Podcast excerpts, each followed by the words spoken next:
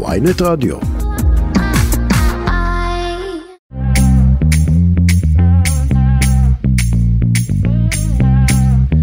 שלום לכם, אחר הצהריים טובים, אתם שוב איתנו בכסף חדש, התוכנית הכלכלית היומית של ynet רדיו. נועה פרנק עורך את התוכנית היום, עמרי יואב על הביצוע הטכני, אני דן רבן. אה, על מה נדבר היום? מה יהיה לנו? נדבר בין היתר על שר אוצר סמוטריץ' שמאיים לתבוע את ההסתדרות על השביתה השבוע שעבר במשק ועל האזהרות, אה, ונדבר גם על אזהרות הנגיד מפני המהפכה המשפטית. אה, נמשיך עם זכויות העובדות והעובדים בחג הפסח ונשוחח גם על פיטורי מנכ"ל הרכבת. ננסה להבין מה הסיפור שם ולמה כונסה ישיבה באולה מאתמול להיום שבסוף בכלל בוטלה. לקראת סוף התוכנית נדבר גם על השינויים המתוכננים בשוק הביטוחים והגמל ואיך הם ישפיעו על הכיס של כולנו וגם מאסק שוב משגע את שוק הקריפטו ננסה להבין מה, למה ואיך אבל קודם כל אני רוצה להגיד שלום לגד ליאור הכתב והפרשן הכלכלי של ynet ושל ידיעות אחרונות שלום. שלום רב. מה שלומך? אני בסדר גמור. ברוך השם. אה, טוב, סמוטריץ' אה, מאיים לתבוע את ההסתדרות על השביתה הגדולה במשק. מה, מה הסיפור שם? הסיפור הוא קצת מוזר, כי אני לא זוכר תביעה מהסוג הזה, באמת אף פעם. אה, אני יכול להגיד לך שממש לפני דקות אחדות נפרדתי מדובי אמיתי, שנפגשתי איתו, שהוא יו"ר המגזר העסקי. הוא היה שותף להפגנה הזאת, ואיך נאמר, אם תובעים את ההסתדרות בעצם צריך לתבוע גם אותו וגם את מנהלי הבנקים. נו, הוא נשמע לך מודאג, גד? אה, לא, ממש לא. בכל אופן, הוא, הוא, הוא לא מודאג בעיקר משום שהתביעה עומדת להיות כנראה נגד ההסתדרות. אז ככל הנראה לא תהיה תביעה, ככה אומרים האנשים באוצר, לא נראה שהם... אני לא מבין על מה הוא רוצה לתבוע, מה, מה הקייס? אה, הקייס הוא שהוא גרם נזק למשק, גרם נזק לאנשים שרצו לטוס לחו"ל, גרם נזק לעסקים וכך הלאה. כן, אבל זה לא סתם, נכון? ההגדרה הרי שהם אמורים להודיע 14 יום מראש, וזו הייתה הבעיה שם, שהם כלומר הודיעו מהיום למחר. אה, על שביתה שהיא לכאורה שביתה פוליטית, שזה גם אה, ספק מותר ספק אסור, זה, זה בעצם מה שהוא טוען, והוא טוען בעקבות השביתה הזאת שהיא לדעתו לא חוקית, אה, הייתה פגיעה במשק שאתם צריכים לשלם. נכון. עכשיו, יש לו תמיכה מהאוצר למהלך הזה? ממש לא. זה לא... בכירי האוצר רואים את זה כמהלך די הזוי. זאת אומרת, ללכת ולתבוע את ההסתדרות על משהו שזה תפקידם להגן על עובדים וכולי, ואולי במקרה הזה, אני אומר, זה לא להגן על עובדים, אבל להגן על המדינה ולהשתמש בכל ארגוני העובדים. אה, כנראה שזו סמכותו של יו"ר ההסתדרות, עובדה שהם השתתפו, אפילו ראשי ארגונים שמזוהים עם הליכוד השתתפו. כי הפחד הוא שגם פה העובדים, בעצם כל הישראלים, ייפגעו מהרפורמה המשפטית הזאת.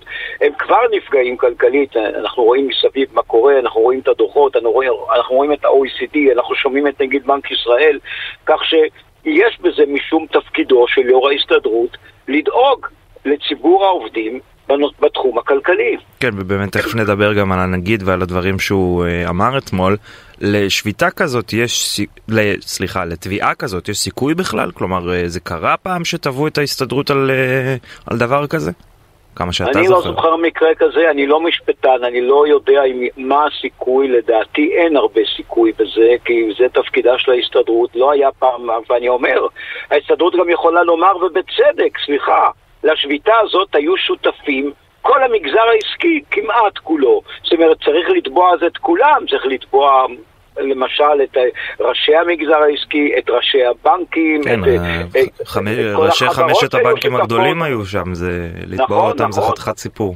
חברות ההייטק, את מה, את כולם יתבעו? נראה שזה, יש עוד דבר אחד, שביתה כזו, אילו הייתה נמשכת שבוע או פחות שלושה ימים, הייתה גורמת נזק. למעשה כמעט שלא נגרם נזק כי היא נמשכה שמונה שעות. את השמונה שעות האלה ברוב המקרים אפשר, אפשר להשיג לאחור, זאת אומרת אפשר לכפר על השביתה הזאת. הרי מי שלא קנה מקרר כי החנות הייתה סגורה אז הוא יקנה אותו מחר. ו... ייצור שלא היה אפשר לייצר גם למחרת, אז טיפה להגביר את קצב המכונות. אה, זאת אומרת, אין פה כמעט נזק ברור וגדול למשק שהיה נוצר אילו נמיר, נגיד שבוע שלם כל המשק לא היה עובד. טוב, וצריך גם להגיד, זה לא שעולה במרכאות, כן, לשר האוצר סמוטריץ' כל כך הרבה להגיד איזה הצהרה פופוליסטית כמו אני הולך לתבוע את ההסתדרות. אה, אז גם אם זה לא יצא לפועל, הוא עשה את הקופון הפוליטי שלו. יש לי איזה ויכוח קטן איתך, אני לא בטוח שיש פה קופון, אני חושב שחלק מהציבור ששבת ומתנגד לרפורמה כועס על העניין הזה, מה, אני שבתתי כי ההסתדרות החליטה להיכנס למאבק, פיטרו פה שר ביטחון, אני מרגיש שהם, סליחה, שהם לא מתייחסים אליי, שרוצים פה לעשות רפורמה שלא מקובלת עליי, ועכשיו הולכים לתבוע את ההסתדרות, אני, אני לא בטוח שגם חברים בליכוד, אני אפילו יודע שגם חברים בליכוד מתנגדים למהלך כזה, עובדה אגב, שכבר היו כאלה שהזהירו את אה, סמוטריץ' שזה לא כל כך נשמע טוב, התביעה הזאת שהיא אולי נכונה לצפון קוריאה, אולי לרוסיה, במדינה דמוקרטית לא תובעים ארגון עובדים על שביתה. כן. טוב, בוא נעבור לנושא קצת אחר. אתמול uh, הצהירו על העלאת ריבית נוספת, שיעית ברציפות, בגובה 0.25 אה, אחוזים. Uh, יחד עם זה, הנגיד, פרופסור אמיר ירון, סיפק לא מעט אזהרות די מפורשות, או לא משתמעות לשני פנים, מפני השלכות המהפכה המשפטית. ספר לנו קצת מה, מה בדיוק הוא אמר שם. כן, אז קודם כל אני אגיד משהו, סקופ, אבל זה סתם הערכה שלי. יש לי רושם שזאת הייתה העלאת הריבית האחרונה בינתיים. זאת אומרת, בחודש הבא, בסוף מאי, 22 במאי, יש שוב החלטה, לא תהיה... למה אתה אומר? אני לא איזה מהמר גדול, לא, לא תהיה כנראה עוד העלאת ריבית. ימתינו לראות מה קורה עכשיו, עוד מעט יהיה תקציב. עכשיו, מה אמר אתמול הנגיד? הנגיד הזהיר שאנחנו הולכים, אה, אתה יודע, בלשון העם אפשר להגיד לאכול אותה, זאת אומרת, בלשון אה, הסלנג. אנחנו הולכים לחטוף חזק. אם באמת הרפורמה במלואה תאושר, יהיה פה נזק של 2.8% בתוצר בשנה, שבחישוב מעוגל זה 50 מיליארד שקל בשנה. כשאתה אומר, אתה, אני אומר הנגיד, שזה יקרה לנו שלוש שנים ברצף, זה אומר שאנחנו הולכים לאכול אותה, שוב, בלשון העם, ב-150 מיליארד שקל בתקופה הזאת. וזה... גד, ספר לנו קצת, למי שלא מבין מה כן. זה אומר 150 מיליארד שקל אה, כמוני, למשל, מתוך נגיד למשל התקציב. עשית אה, השוואה, בדקת כמה זה למשל אה, בסל התרופות, מה, נכון, כמה, נכון. דברים שזה יעלה לנו, נכון, מה המשמעות של סכום כזה? אני הסתכלתי, אני לא, לא רופא, אני קורא במקרה הזה כמו קורא עיתון, או קורא ynet, והסתכלתי לראות מה היה בסל התרופות האחרון. נכנסו עוד תרופות ב-760 מיליון שקל, ולא נכנסו עוד תרופות ב-2 מיליארד, שהם בעצם היו כל המכסה שהוצעה לוועדת סל התרופות. זאת אומרת, אלה תרופות מצילות חיים, אבל מאוד יקרות. הן לא נכנסו. עכשיו, אם אנחנו מדברים על אובדן תוצר של 50 מיליארד שקל בשנה, זה פי 25 מהסכום מציל החיים שלא נכנס לסל התרופות. כל, כל התרופות שצריך בעולם בערך. נכון. או ניקח את תקציב הביטחון, שהוא מכסף ישראלי בלי הסיוע האמריקאי, טוב, נגיד בסביבות 75 מיליארד, משהו כזה. זאת אומרת, אנחנו מדברים על אובדן בשלוש שנים של פי שניים מתקציב הביטחון השנתי של מדינת ישראל. אלה סכומי עתק. בגלל, אני אומר פה חד וחלק, רפורמה שאת רוב העם הזה לא מעניינת. הרפורמה הזו לא משרתת אף אחד, חוץ מאולי את השלטון. היא לא דרושה. יכול להיות שצריך איזושהי רפורמה, אבל לא את זאת. יכול להיות שצריך רפורמה שהיא, אה, אולי אני כל הזמן אומר את זה, אולי תגרום לזה שמשפט בארץ יארך ארבעה, חמישה, שישה חודשים ולא שש שנים, כן, טוב, לא, לא, ג... ננסה לא להישאר לא שנייה בגבולות הגזרה הכלכליים שלנו ועל הרפורמה באמת יש המון מה להגיד. מה היו התגובות ל... אה, לדברים של הנגיד? ראיתי איזה ציוץ אה, שנוי במחלוקת של, חבר, של השר, שר התקשורת אה, שלמה קרעי. מה, מה היו התגובות לה, להחלטה? תראה, התגובות האלה, מה הן עושות בארץ, זה לא כך משנה. אני כבר רואה את הריקושטים בחו"ל. אני למשל עוקב אחרי התקשורת הגרמנית. מצטטים שם, מצטטים, באתר גדול, ששרים בממשלת ישראל תוקפים את נגיד בנק ישראל ומסכנים את עצמאותו. זה רע מאוד, זה משדר לעולם הפיננסי שבישראל עלול להיווצר מצב מסוכן שבו עצמאות בנק ישראל לא תהיה קיימת. וזה רע מאוד, כי זה משדר רע, זה, זה ירחיק מפה משקיעים, זה יגרום לאנדרלמוסיה אגב בתחום הבנקאות וכך הלאה. זה אסור שיקרה. עכשיו, מי השרים האלה? זה לא שר האוצר, זה לא שר הכלכלה. סליחה שאני אומר פה, שני שרים זוטרים, זוטרים, שהולכים ותוקפים, השר שיקלי והשר אה, אה, קרעי הם שרים זוטרים בממשלה הזאת, והם גורמים נזק בלתי רגיל, כמעט בלתי הפיך לכלכלת ישראל באמירות האלה, שאגב שניהם כבר מתחילים להסביר, לא התכוונתי, לא אמרתי. כן, סביר להניח שכמו כן, הפעם שעברה... כמו הפעם כן. שעברה שנתניהו אמר להם, חבר'ה נכון, תירגעו בבקשה עם ה... מאוד להיות, כן. יכול מאוד להיות שמר נתניהו שמבין כלכלה כבר הרים טלפון לאדון קרעי ואמר לו ולאדון אה, אה, אה, ולאדון שיקלי, ואמר להם, רבותיי, תפסיקו עם ההתבטאויות האלה, תפסיקו עם זה. לאחד הוא כבר, בזמנו, הוא העביר גם לשר אלי כהן, שאמר משהו, ואגב, השר אלי כהן בעצמו אחר כך, ואני אפילו מאמין לו, אמר שלא התכוונתי לשלול את המדיניות, התכוונתי לזה שיש צעדים שצריך לעשות שהם יכולים להיות משלימים לבנק ישראל, ואולי יכולים למנוע העלאת ריבית, שזו אמירה יותר חלשה, שאפשר כן. לקבל אותה. אי אפשר לקבל החלטה, אה, אה, קריאה, שמדובר פה באיזה לא, רובוט. כן, מה, להחליף, להחליף ישראל... את הנגיד בבוט. כן, אה, מה, הוא רובוט, נגיד בנק ישראל, הוא רובוט, אגב, הייתה, הייתה איזו תגובה בתוך בנק ישראל? לדברים המאוד קשים האלה? אבל אני יכול להגיד לך שאני אתמול התעכבתי אחרי מסיבת העיתונאים ודיברתי עם כמה אנשים מבנק ישראל וכבר התפרסמה, כבר התפרסמה התגובה הראשונה שהייתה של מאוד הכעיס אותם, זה, הם, לא, הם לא רוצים, איך הם אמרו? שיהיה לו חג שמח. של קארי, על התגובה של קארי, כן. כן. אז הם לא מוכנים אה, אה, להעיט על זה, כי הם לא יכולים להגיב לשר עקרונית. טוב, זה גם מאוד אה, בנק ישראל להישאר פוליטיקלי קורקט. חד וחלק, דיברתי עם הנגיד אתמול והוא אמר, הדבר החשוב ביותר כרגע, מכל הרפורמות האלה והכל, זה שבנק ישראל ימשיך להיות עצמאי. זה קודם כל, כמובן גם בתי המשפט. אבל זה אומר לא התחום שלי, התחום שלי כן. הוא בנק ישראל. בנק ישראל חייב להיות עצמאי. גד ליאור, הכתב והפרשן הכלכלי של ynet ושל ידיעות אחרונות, תודה רבה לך שהיית איתנו. תודה רבה וחג שמח. כסף חדש, תודה רבה שחזרתם אלינו, התוכנית הכלכלית היומית של ynet רדיו. מי ששם לב אגב עם uh, לואי אמסטרונג פה, אנחנו היום ברצף שירי uh, חג הפסח, נראה אם תצליחו לנחש מה, מה השירים הבאים שלנו. בינתיים בוא נדבר על זכויות העובדות והעובדים בפסח. עורך דין רעות שגיב גרטלר, שותפה במשרד דרור גל, רעות שגיב, המתמחה בדיני עבודה, שלום לך. שלום שלום, מה שלומך? בסדר גמור, איך את? אז מה, תסביר לנו קצת, אה, אה, חג הפסח זה כמו שבת?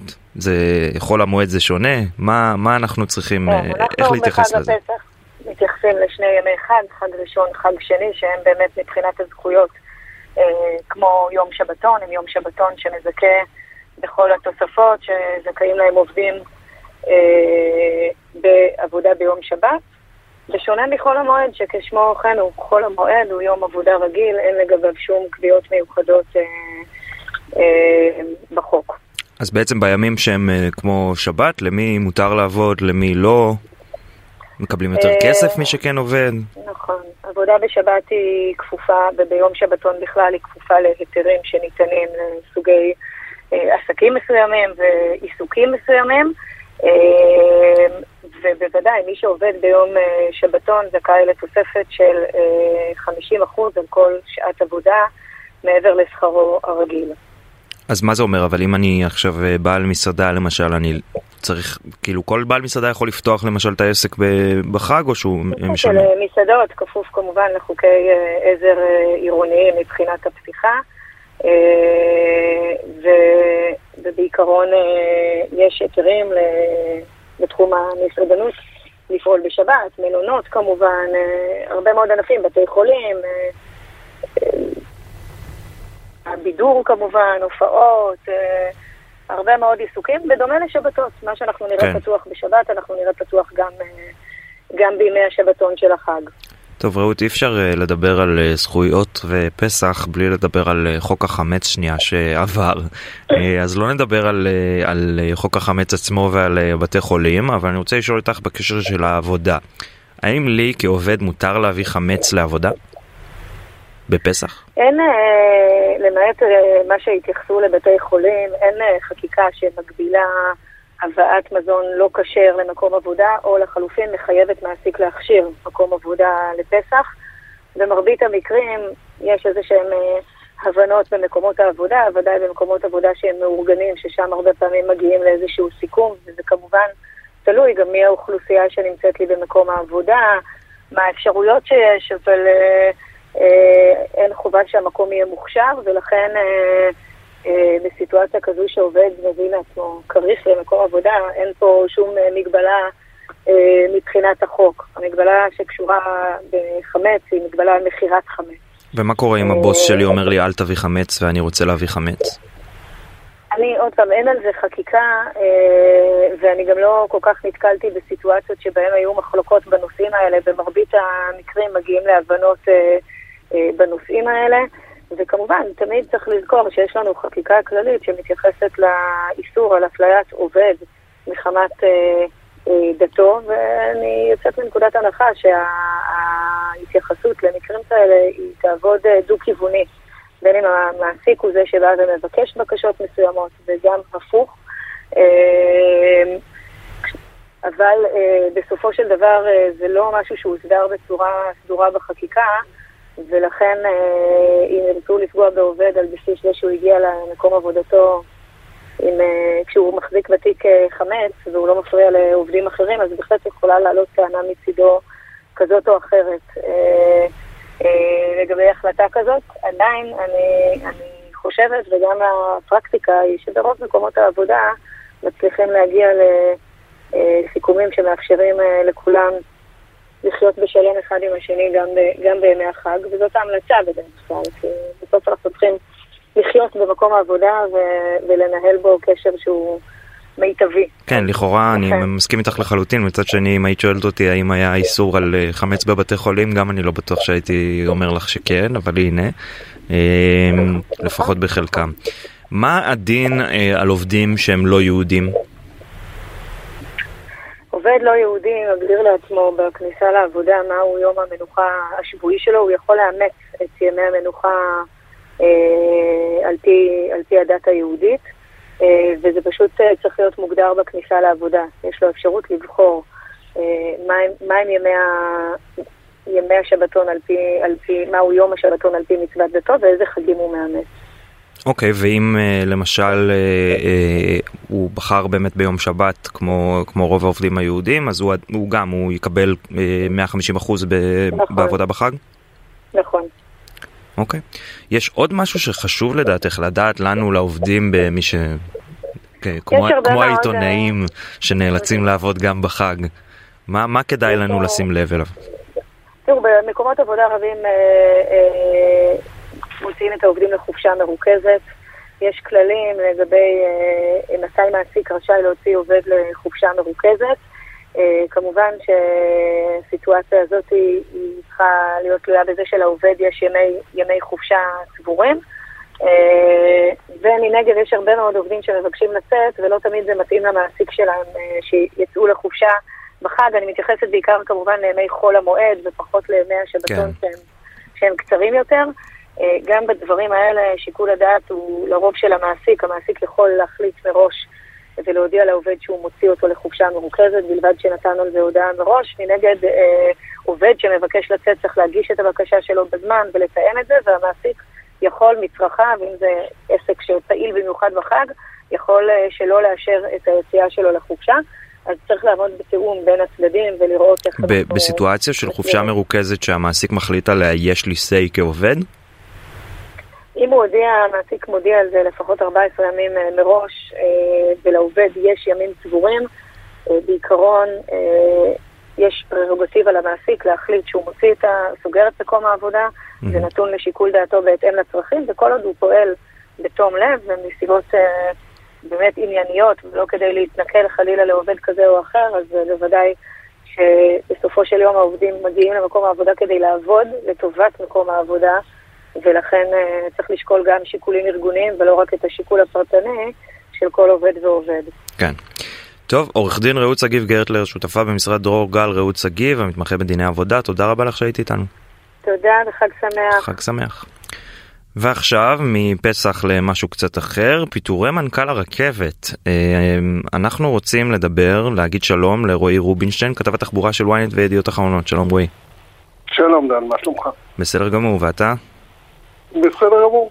טוב, אז הייתה לנו ישיבת דירקטוריון בהולה שתוכננה מאתמול להיום אה, בכדי להשלים את ניסיון הדחת אה, מנכ"ל הרכבת מיכה מייקסנר אה, והיא נדחתה אחרי שארבעה דירקטורים מתוך אה, שמונה הודיעו ליו"ר שהם לא מתכוונים להגיע. ספר לנו קצת מה בכלל הסיבה שהיו"ר אה, משה שמעוני רוצה לפטר את המנכ"ל, איך הכל התחיל?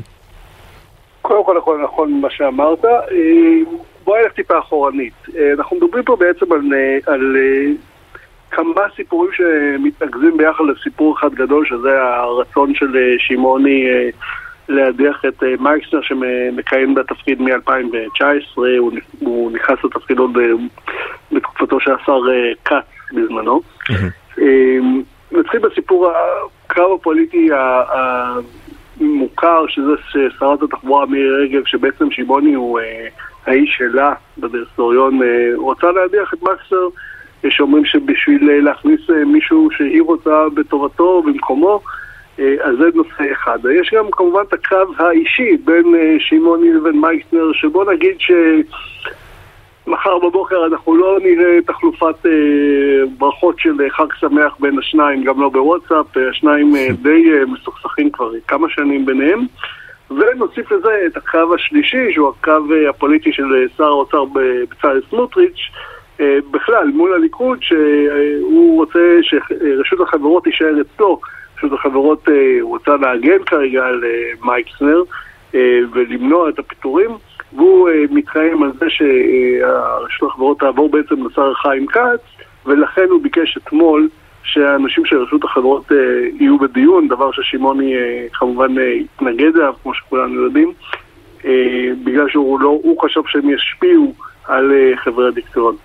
תגיד, רק לי זה מרגיש כאילו פוליטיקאים משחקים פינג פונג עם משרה של מנכ"ל רכבת? כאילו כן. מה, הוויכוח הוא, הוא, הוא ביניהם על מי יותר קרוב ומה, זה לא, זה לא משרת אמון, למה הם, כאילו מה, מה פתאום לפטר מנכ"ל בגלל דבר כזה?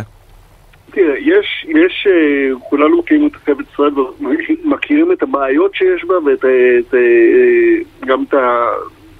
אפשר לקרוא לזה כישלונות אם אתה רוצה אה, שקורים אה, בתקופה, בתקופה של וייסר אה, בתפקיד. הוא כמובן אומר שהוא קידם את החשמול וכדומה, וגם יצא מכתב שהוא, בתחלפת המכתבים שפרסמנו בוויינט, שבו שמעוני מדבר איתו על זה שהוא החליף, בעצם כל הדיון היה על העקרונות החדשים.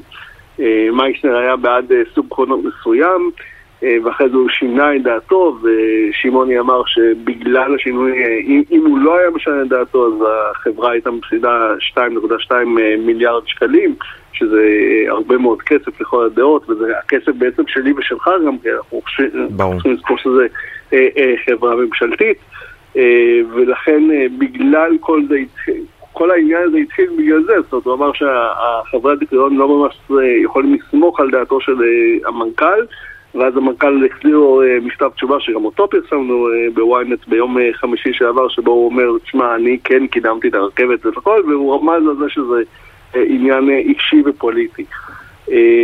אז מה באמת, למה הישיבה שתוכננה בוטלה בערך באותה מהירות שהיא תוכננה, מה, למה הדירקטורים הודיעו שהם לא יגיעו? בעצם מה שקורה, מה שקרה אתמול זה שהתכנסה הישיבה שגם, כמו שכולנו יודעים, היה את כל הדיון סביב אה, מי ייכנס לישיבה הזאת, ובישיבה הזו בעצם לא, לא התקבלה החלטה. הדירקטורים כולם נתנו את דעתם, בעצם אנחנו מדברים על ישיבה שבה אחת הסוגיות הייתה האם לפנות לייעוץ משפטי חיצוני, שזה מה שצריך לעשות בחברה ממשלתית, בשביל להתחיל את הליך ההדחה, כי יועץ, היועץ המשפטי הפנימי לא יכול לעשות את זה. ולכן, וזו הייתה הסוגיה, והוחלט להצביע על זה היום בצהריים, בארבע אחר הצהריים, ישיבה שבוטלה. בגלל שבאמת ארבעה דירקטורים, כמו שאמרת, אמרו שהם לא יכולים להגיע. ומה, הם, הם פשוט. מסמנים לשמעוני, חבר, אנחנו לא רוצים לפטר אותו? תראה, קשה לי מאוד אה, אה, לדעת ולהגיד לך בוודאות. אה, צריכים לזכור שאני לא יושב בחדר ולא אף כתב אחר. אנחנו כן מדברים עם כולם, אבל חלק מספרים שזו הסיבה. אני יכול להגיד לך שאנשים שמקורבים יותר לצד שרוצה כן להדיח את המנכ"ל מייכסר, אומרים, תשמע, זה עניין של לוח זמנים, אנחנו יום לפני ערב חג, פשוט מאוד אי אפשר לקבוע בישיבה כזו גורלית מהיום להיום, ולכן היו ארבעה שפשוט אמרו, אנחנו לא יכולים, אנחנו בדרך לחו"ל, וכדומה, והכנות לפסח, ולכן אה, פשוט דחו את, ה, את ההחלטה. דחו אותה למתי אגב, רועי? דחו את הישיבה ל... אה, אחרי החג בעצם, אנחנו מדברים על אה, אמצע שבוע הבא, לפני חג שני, אם אני לא טועה זה יוצא יום שני, הישיבה. אז לא, לא בהרבה זמן. לא בהרבה זמן, ואני יכול להגיד לך שהצד שרוצה לפטר את, את מייסר כן אומר לי, שמע, זה לא משנה, זה רק עיכוב. הבן אדם כן, אנחנו כן נצביע ללכת על ייעוץ משפטי חיצוני בשביל להתחיל את התהליך ההדחה. אבל אתה יודע, בשבוע ימים כל מיני דברים יכולים לקרות, בטח שכוחות כל כך גדולים מעורבים כבר בסיפור הזה, אם זה השר סמוטריץ' ואם זה אה, שרת התחבורה, ואני רוצה להזכיר לך שאתמול אה, גורמים במשרד התחבורה אפילו אמרו, השר סמוטריץ' אה, לא יכול להתערב בנושא הזה, הוא לא יכול לנהל את הרכבת בכוחות עצמו. בעוד שבצד השני יש כמובן את הטענות שאומרות שזה מהלך פוליטי של רגב, כך שהכל מבעבע מאוד, בין, בתוך כל העניין הזה נמצאים שני אנשים, אה, שמעוני ומייקסנר, שגם ככה היחסים ביניהם מורכבים, כן. מה, מה הנזק שנגרם כבר, או שעלול להיגרם ממאבק כזה בהתנהלות של הרכבת? אני מניח שהראשונים שייפגעו זה אנחנו הנוסעים. תראה, קודם כל הנזק שנגרם, והוא כבר נגרם אה, אה, כשאנחנו מדברים על זה, זאת אומרת, אה, כל חברה... הנזק היחצני קצת. הנזק היחצני, בוא נאמר ככה, הרכבת לאורך השנים האחרונות, אמנם אנחנו לא שמענו יותר מדי בעיות בתקופה האחרונה, אבל אני כן רוצה להזכיר לך, זו, זו חברה שהגיעה לכותרות לאו דווקא על דברים טובים לאחרונה, אם זה כל הסיפור של ועד העובדים ש... ש שגילה אדראי הייתה ברשותו ויצר הרבה כותרות לנו כתבי התחבורה, אם זה המקרה הזה, אם זה כל מיני מקרים שונים. עזוב את זה, בעצם נסו לנסוע ברכבת ישראל, זה סיפור לא פשוט. וזהו, וכל זה, זה הדבר הראשון. כל זה, כל זה מתווסף על, על זה שאנחנו מכירים את השירות של רכבת ישראל, ואומנם יש אה, שיפור בו, נכון, אבל אנחנו עדיין, כל מי שנוסע ברכבת יכול אה, להעיד שפעם, פעמיים בחודש הוא נתקל ב... אה, אני, אני אומר על המקרה, על הצד הטוב ביותר, בוא נסתכל על זה ככה, הוא נתקל באיחורים וביטולים של רכבות, ורכבות שמסיימות את... אה, את הנסיעה באמצע הדרך בגלל תקלה מסוימת. זה לא חברה שאומנם היא השתפרה מאוד בשנים האחרונות, זה כן, ואני לא מייחס את זה עכשיו לאף, כאילו שלא יגידו שאני לוקח פה צעד, כן? כן. אבל היא, היא כן השתפרה. אבל עדיין היא, היא חברה שכמות התקלות בה היא אה, די גדולה יחסית לחברה שאמורה לשרת אה, ציבור כה גדול של נוסעים, משהו כמו 270 אלף נוסעים ביום, שנתקלים באיחורים קבועים וביטולים וכדומה. כן. אה, טוב, נראה, נראה אם הם יצליחו באמת במהלך פיטורים הזה, או שאתה יודע, יעשו פה איזה מהלך גלנט ויתחרטו ברגע האחרון. אה, נראה איך זה יתקדם. רועי רובינשטיין, כתב התחבורה של ynet וידיעות אחרונות, תודה רבה לך שהיית איתנו. תודה לך, דן. טוב, עוד הפסקה מוזיקאית קצרה וכבר חוזרים. כסף חדש, תודה רבה שחזרתם אלינו, התוכנית הכלכלית היומית של ynet רדיו. אה, רשות שוק ההון פרסמה אתמול הוראות שהמטרה שלהן זה למנוע מצב של מעברים תכופים של אה, הציבור בין מוצרים פיננסיים ולצמצם עמלות חד פעמיות בשביל סוכני הביטוח. בשביל להבין מה אמרתי עכשיו, אנחנו נגיד שלום לאלון דור, יו"ר הוועדה הפנסיונית של לשכת סוכני הביטוח, שלום. אחר הצהריים. צהריים טובים דן, לך ולמאזינים. תודה.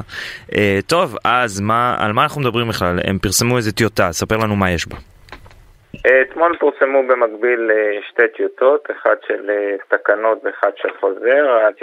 הטיוטה מתייחסת לנושא תגמול הסוכנים במוצרי אה, חיסכון ארוך טווח, והחוזר מתייחס לנושא התגמול במוצרי ביטוח חיים. שניהם מתייחסות לעניין התגמול, חלק מהתגמול שלנו, מה שאנחנו קוראים בענף עמלות ההיקף, ודורש מאיתנו להחזיר חלק מהתגמול במקרים מסוימים. אלון, בוא, נחז... בוא נלך צעד אחורה שנייה. מה בכלל הבעיה או המצב שהטיוטות האלה אה, נועדות ל... להתמ... נועדו להתמודד איתו? בעיקרון הרגולציה אמורה לתקן, לפקח על השוק, לתת לו לעבוד ולתקן כשלי שוק. במקום הזה, אגב, אני וגם לשכת סוכני ביטוח לא מסכים עם הרשות שיש כשל שוק. מה טענת הרשות? הרשות uh, טוענת שיש uh, יותר מדי מעברים בין uh, קופות ופוליסות ביטוח. שאלה מה אכפת לה מזה? והיא טוענת שמקור הבעיה היא בסוכנים. Uh, הרשות צריכה לפקח על השוק, ואם לדעתה יש כשל היא צריכה לטפל. לא, אבל, למה המעבר הוא נתפס ככשל? את האמת ש, שפה זה באמת קצת מוזר, זה כאילו הם עושים הפוך, הם, יש בתחרות שוק, אה, סליחה, יש בשוק תחרות. כן.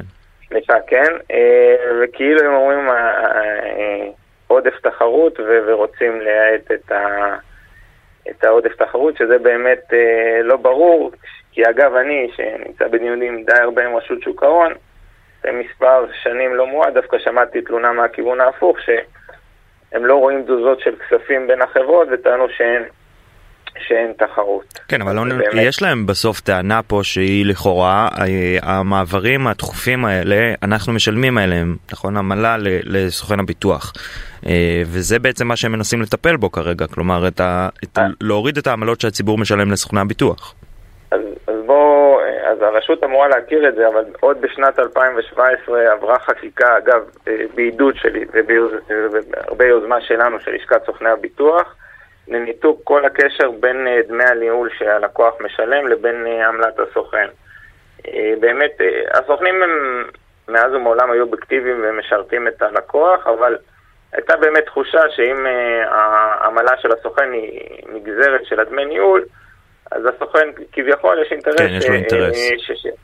אז בדיוק בגלל זה אנחנו במשך הרבה מאוד שנים ניסינו לקדם והצלחנו ב-2017 יחד עם הרשות להעביר את החקיקה שמנתקת כל זיקה, למעשה הדמי ניהול שלנו לא תלויים ב... אה, אה, סליחה, העמלות שלנו לא תלויים בדמי הניהול שהלקוח משלם לחברה, ולמעשה אנחנו נמצאים כן, אותו באותו כן צעד. האינטרס שלנו שהלקוח ישלם כמה שפחות. אבל אלון, אתם מקבלים עמלה על המעבר של הכספים, על ניוד הכספי הלקוחות.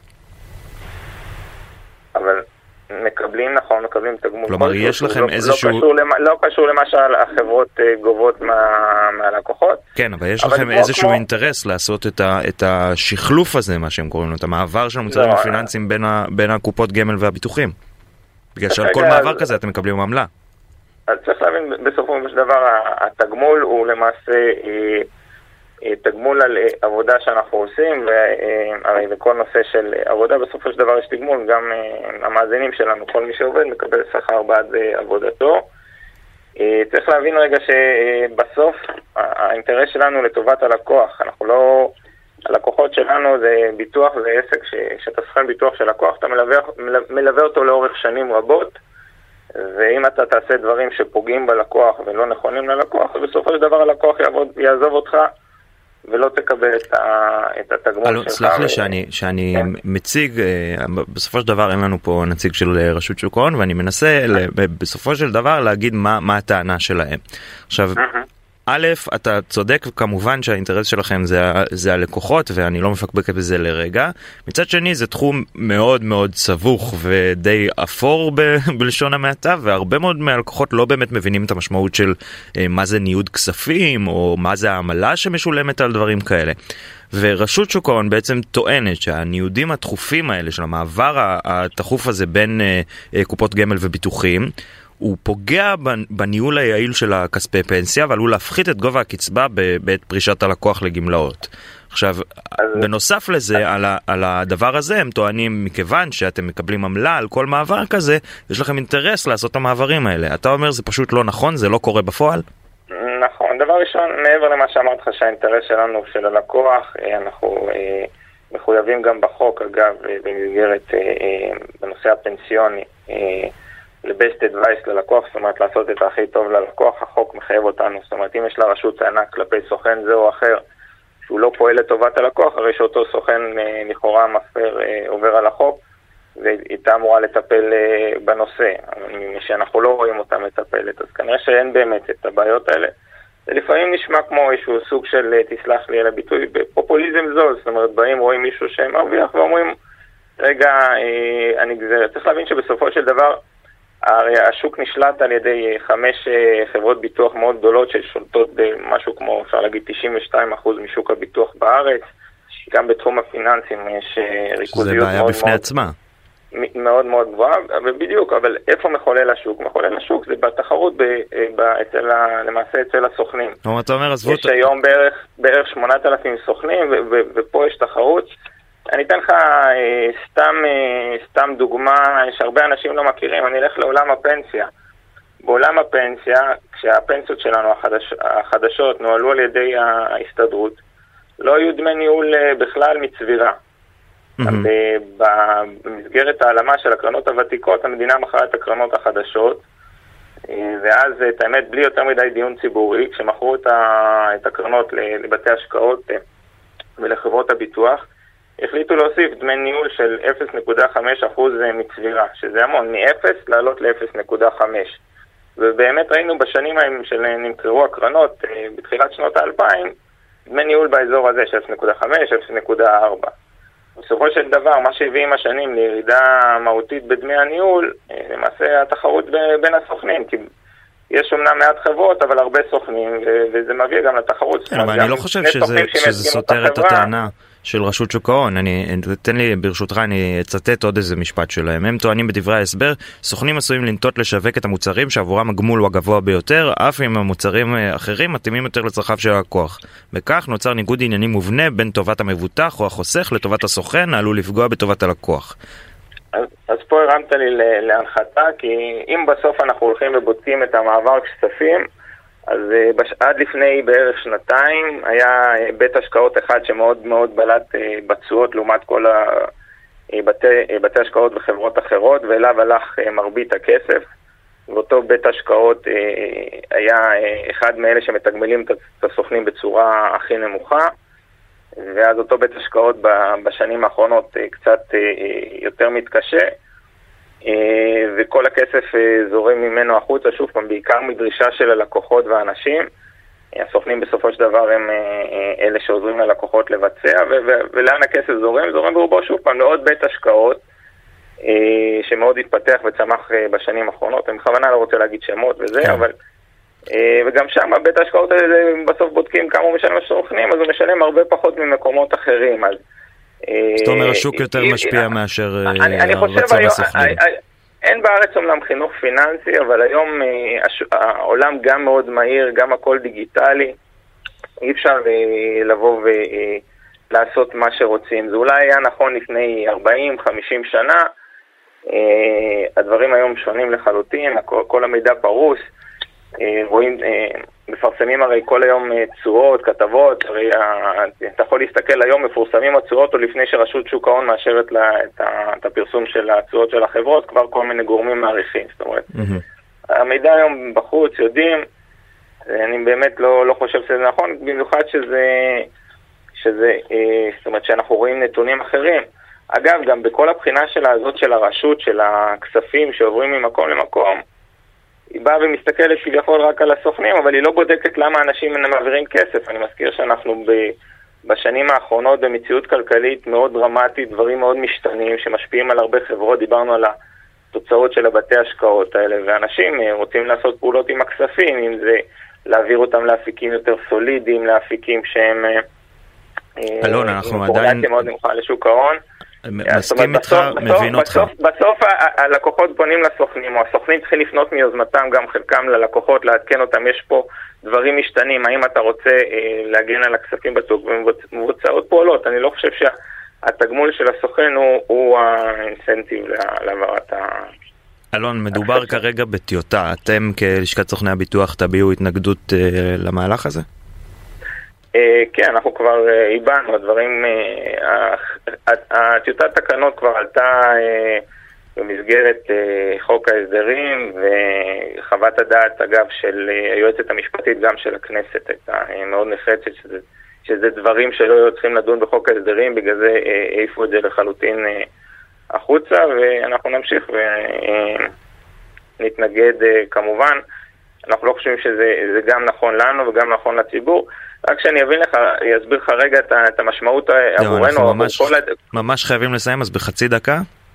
כן, אני אומר, רוצים במשך שש שנים אם עסקה מתבטלת, להחזיר את הכספים לחברות הביטוח. אז דבר ראשון צריך להבין שהכספים לא חוזרים לציבור, הם חוזרים לחברות הביטוח ולבתי ההשקעות, לא לציבור. הופכים את העשירים לעשירים יותר על חשבון מגזר העצמאים. זה בפן הראשון.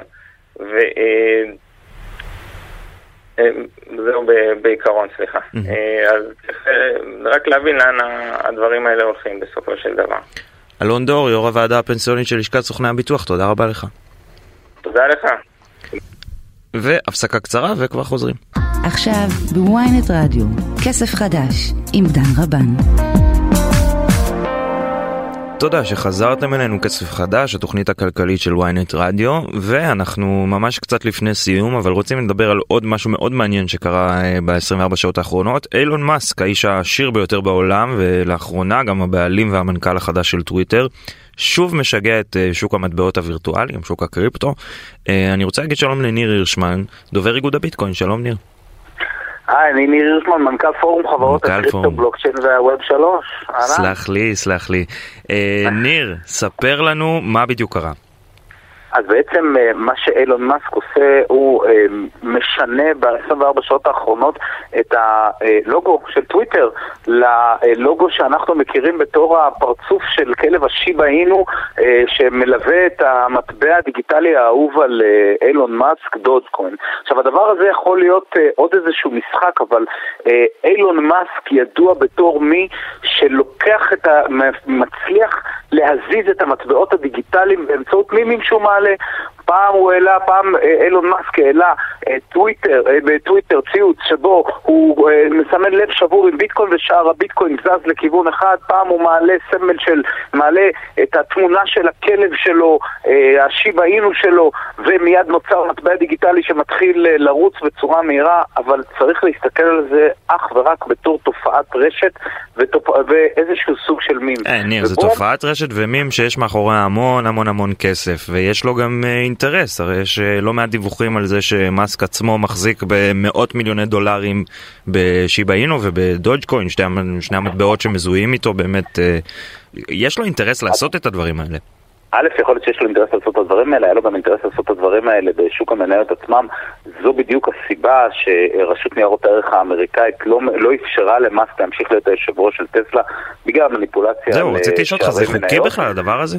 אז קודם כל, אה, אני לא עורך דין ולא יועץ משפטי, אני יכול להגיד לך שעל דברים דומים בשווקי מניות, אנשים אה, נכנסים לכלא ללא מעט שנים, אבל אני לא יכול להגיד שום דבר לגבי אילון מאסק, אני מניח שיש לו יועצים משפטיים יותר ממולכים ממני. אבל חשוב לי מאוד להגיד משהו למי ששומע אותנו. תשמע, דן, פעם אחרונה שאילון מאסק פמפם את דודג'קוין, דודג'קוין הגיע ל-70 ומשהו סנט.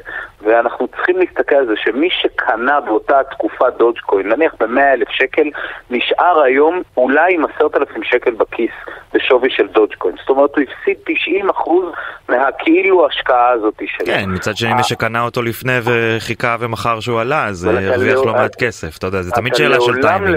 אבל אתה לעולם לעולם לא יודע מתי מי שמבצע את המניפולציה בשוק, אם מי שמבצע מניפולציה חד משמעית, ולכן אני לא שואל... האם זה לא מעיד, ניר, על זה שהשוק הזה הוא קצת יותר מדי קל לשינוע, מה שנקרא? אנחנו צריכים להסתכל על שני דברים. קודם כל אנחנו צריכים להסתכל על החלקים, אנחנו כמו כל דבר באינטרנט, צריכים להסתכל על החלקים הרציניים וכבדי המשקל, ואנחנו צריכים להסתכל על הבדיחות ולהתייחס אליהם כמו בדיחות. אז דודג'קון לפחות בהתחלה היה בדיחה, אבל המשמעות שלו הייתה לקחת בעצם את, אה, את הקוד של ביטקוין, שהוא בעצם בקוד פתוח, להעתיק אותו ולפרוס אותו ברשת חדשה. מתוך איזושהי אמירה שכל אחד יכול לייצר מטבע. הנקודה היא זה שנוצרה שם איזושהי קהילה שאמרה לעצמה, לפחות בהתחלה, כל אחד באמת יכול לייצר מטבע, ואנחנו מתכנתים כן, ניר, אבל אתה לא אומר שזה מוגבל רק לדודג'קוין, אתה אמרת בעצמך, הוא מצייץ את הסמל של ביטקוין ולב שבור, והביטקוין אה, קורס. כי מה ש... כן, קודם כל, אנחנו, ההיסטוריה רצופה באנשים שעשו אה, מניפולציה על מחירים של נכסים, זה לא אומר שצריך אה, להיכנע לדבר הזה.